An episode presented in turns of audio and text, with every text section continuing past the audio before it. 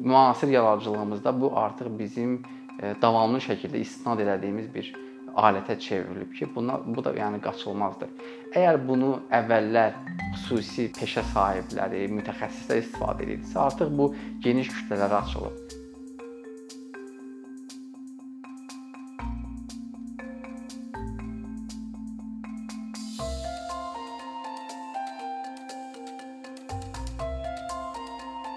Ümumiyyətlə insanların belə bir qorxusu var ki, generativ süni intellekt bizim yaradıcılığımıza mənfi təsir göstərir, bizim işimizi əlimizdən mi alacaq? Suallarını özlərinə verirlər. Ancaq bu qrafik dizayner kimi mən öz işimdə generativ süni intellektdən istifadə, davamlı istifadə edən bir adam kimi bunun hələ ki xüsusi bir maneəsini görməmişəm. Əksinə bunun bir çox halda rutin işləri avtomatlaşdırmasını görmüşəm. Məsələn biz davamlı şəkildə istifadə etdiyimiz bir alət var, Adobe Photoshop. Photoshopu götürsək, orada əvvəllər biz hər hansı bir kompozisiyanı düzəltmək üçün, foto manipulyasiya eləmək üçün stok saytlara müraciət eləyirdik. Oradan müxtəlif fotolar, qrafiklər əldə eləyirdik. Amma hal-hazırda generativ süni intellekt bizə imkan verir ki, bu işi, yəni axtarışa sərf elədiyimiz böyük bir zamanı çox kiçik bir vaxta sığdıraq. Yəni deyək ki, 1 dəqiqə ərzində, hətta daha az 30 saniyə ərzində bizə lazım olan fotonu və yaxud da qrafikanı əldə edirik. Ondan da başqa e, qrafik dizaynı götürsək əgər, e, burada nə kimi çətinliklərimiz var? Tutaq ki, bir e, foto və yaxud da poster və yaxud da hansı bir qrafik üzərində işləyirdiksə, orada hər hansı bir yeri dəyişməyə çalışırdıqsa, e, burada e, fotonu lazım olan yenə də fotonu və yaxud da qrafikanı tapmaq rəng korreksiyası eləmək, montaj eləmək, yəni ən azından 1 saat, 2 saat bizim vaxtımızı alırdı. Amma indi Loreal ipuçları vasitəsilə çox qısa bir zamanda həyata keçirə bilirik və bu avtomatik şəkildə həm rəng korreksiyasını eləyir, həm ora uyğun qrafikanı tapır. Təbii ki, hal-hazırda müəyyən problemlər var ki, bəlkə də o bizi 100% başa, başa düşməsə də 60-70% bizim yazdığımız orada mətni bu geniş dil modelləri sayəsində, e, yəni large language models deyilən bir e, termin e, sayəsində neyron şəbəkələr bunu həyata keçirə bilirlər. Bu barədə bizim işimiz çox əslində rahatlaşıb. Rutin işlərin e, avtomatlaşması baş verib. Və e, mənə elə gəlir ki, bu ümumiyyətlə təzə bir şey deyil əslində. Süni intellekt anlayışı bizim həyatımızda əslində e, uzun müddətdir var. Hətta biz e, Google axtarış e, motorunu götürsək, yəni uzun illərdir ki, biz onu istifadə edirik və bu da hardasa e, süni intellektdir. O bizim əvəzimizə bizə lazım olan informasiyanı axtarıb tapır.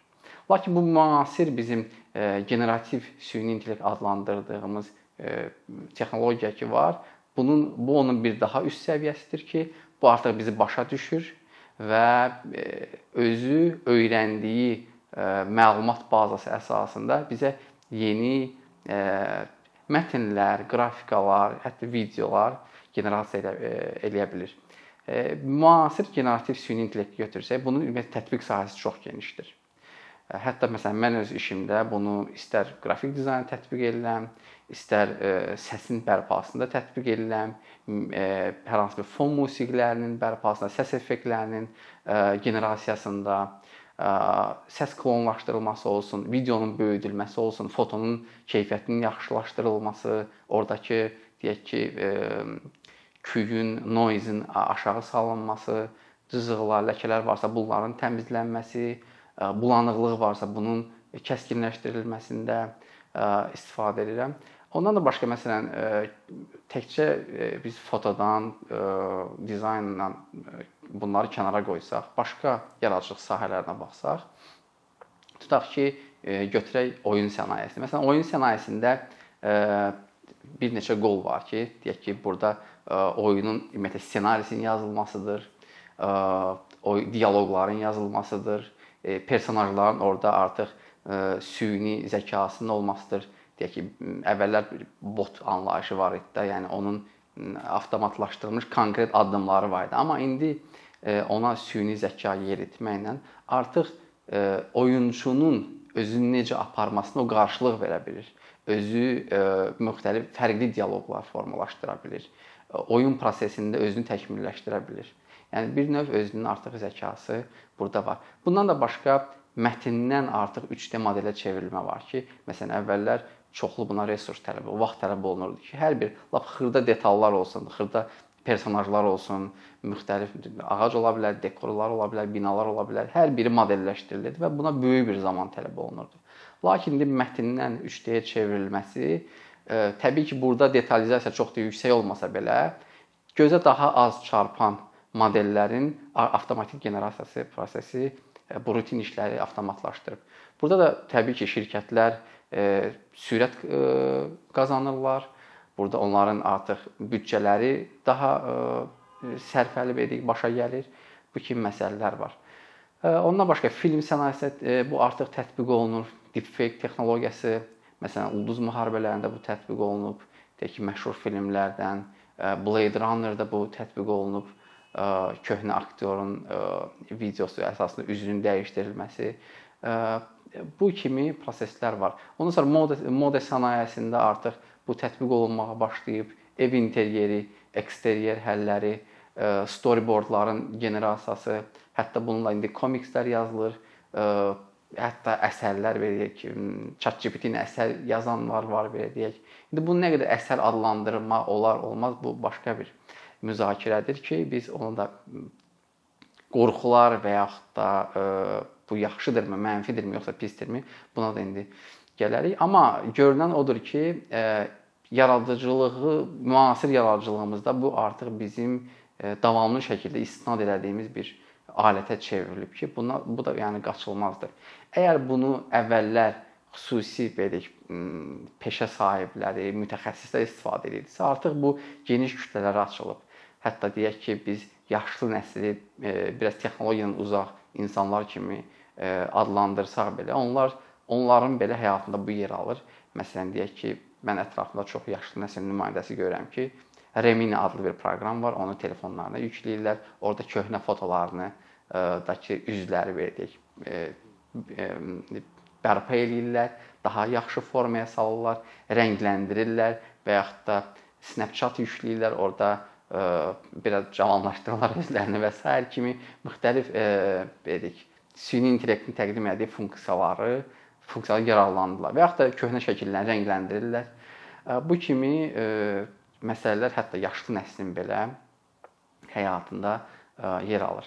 İndi bunun bayaq dediyimiz kimi qorxuları nə ola bilər və yaxud da mənfi cəhətləri nədir? İndi biz görürük ki, ümumiyyətlə yaradıcılıq sənayesinin müxtəlif yerlərində bunun əleyhinə olan insanlar da var. Tutaq ki, bunun əleyhinə çıxan ssenaristlər da var ki, məsələn Amerikada bu yaxınlarda gördük, bir çox ssenaristlər mitinqlər keçirdilər, onlar aktyorlarla qoşuldular. Bunun əleyhinə çıxan tutaq ki, musiqiçilər də var, bunun əleyhinə çıxan alimlər də var və ən böyük əleyhdarları bunun deyəlim ki, rəssamlardır. Çünki hal-hazırda bunun ən yaxşı nəticə göstərdiyi yerlərdən biri də rəsm və illüstrasiya sahəsidir. Yəni hal-hazırda Midjourney, Stable Diffusion, Adobe Firefly, DALL-E kimi texnologiyalar, neyron şəbəkələr istənilən insana imkan verir ki, orada girsin, promptu daxil eləsin, lazım olan söz yazsın, lazım olan stili əlavə eləsin. Yəni istənilən istənilən olmasa belə bir çox tanınmış rəssamların janrında və yaxud da e, təsvir incəsənət e, cərəyanlarının e, stilində, üslubunda lazım olan təsviri əldə eləsin. Eləcə də bunun əleyhinə olan müəyyən fotoqraflar da var ki, onlar belə sənətlərinin hardasa itəcəyini və yaxud da daha az tələbat olacağından qorxurlar ki, burada da müəyyən qədər həqiqət var. Məsələn bayaq dedik, stok saytların hal-hazırda stok saytlara olan tələbat demək olar ki, bir xeyli aşağı düşüb. Və stok saytlar hal-hazırda nə edirlər? Öz bazaları əsasında tutaq ki, Shutterstock artıq AI modelində çıxardıb ki, öz bazası əsasında artıq süni e, intellektin köməyi ilə e, yeni fotoların generasiyasına da yer verir. Və bunu tətbiq edəməyən şirkətlər də artıq bilirlər ki, bu gələcək iqtisadiyyatın formalaşmasında öz şirkətlərinin gələcəyində bu addım atmasalar yəni bazar payını itirə bilərlər. Ona görə bu məcburiyyəti hiss eləyirlər. Biz məsələn fotodan danışdıq və fotonun burada da bəzi mənfi cəhətləri də var. Məsələn, biz hal-hazırda gedən müharibələrdə belə yenə də istənilən insana açıq olduğu üçün fake fotolarla çox tez rastlaşa bilirik. Hətta ən son məsələn müharibələrdən biri bu Qəzza müharibəsi, İsrail Fələstin müharibəsində nə qədər fake fotonun yayıldığını gördük ki, bunları da detekt eləmək adi insan üçün çox çətindir. Ancaq bizə fayda tərəfdən baxsaq, görərik ki, bunun bizə faydası da əslində böyükdür və yaxın gələcəkdə biz bir çox rutin saydığımız sahələrin sıradan çıxacağını və yeni artıq insanların yeni ixtisaslara yönələcəyini görürük. Thank you.